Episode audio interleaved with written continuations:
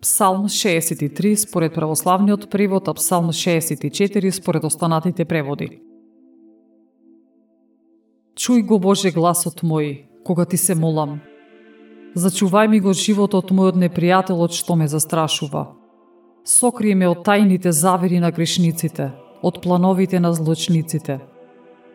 Тие ги наостри јазиците своји како меч, тие истфрлат ранливи зборови како стрели, за да стрелаат скришно на непорочниот, тие стрелаат ненадејно врз него, без страв. Тие цврсто се договорија за зло, се договорија како да ја пригријат замката, па си рекоа, кој ќе не види. Сонуваат за злодела, скришни заговори кројат, зашто човековото срце и ум се длабока бездна.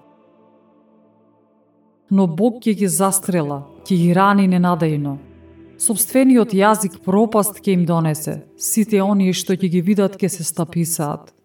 И секој човек ќе се уплаши, ќе се раскажува за делата Божије и ќе размислуваат за она што тој го изврши. А праведниот ќе се развесели во Господ и ќе прибегне кај него, и ќе се развеселат сите кои се праведни по срце.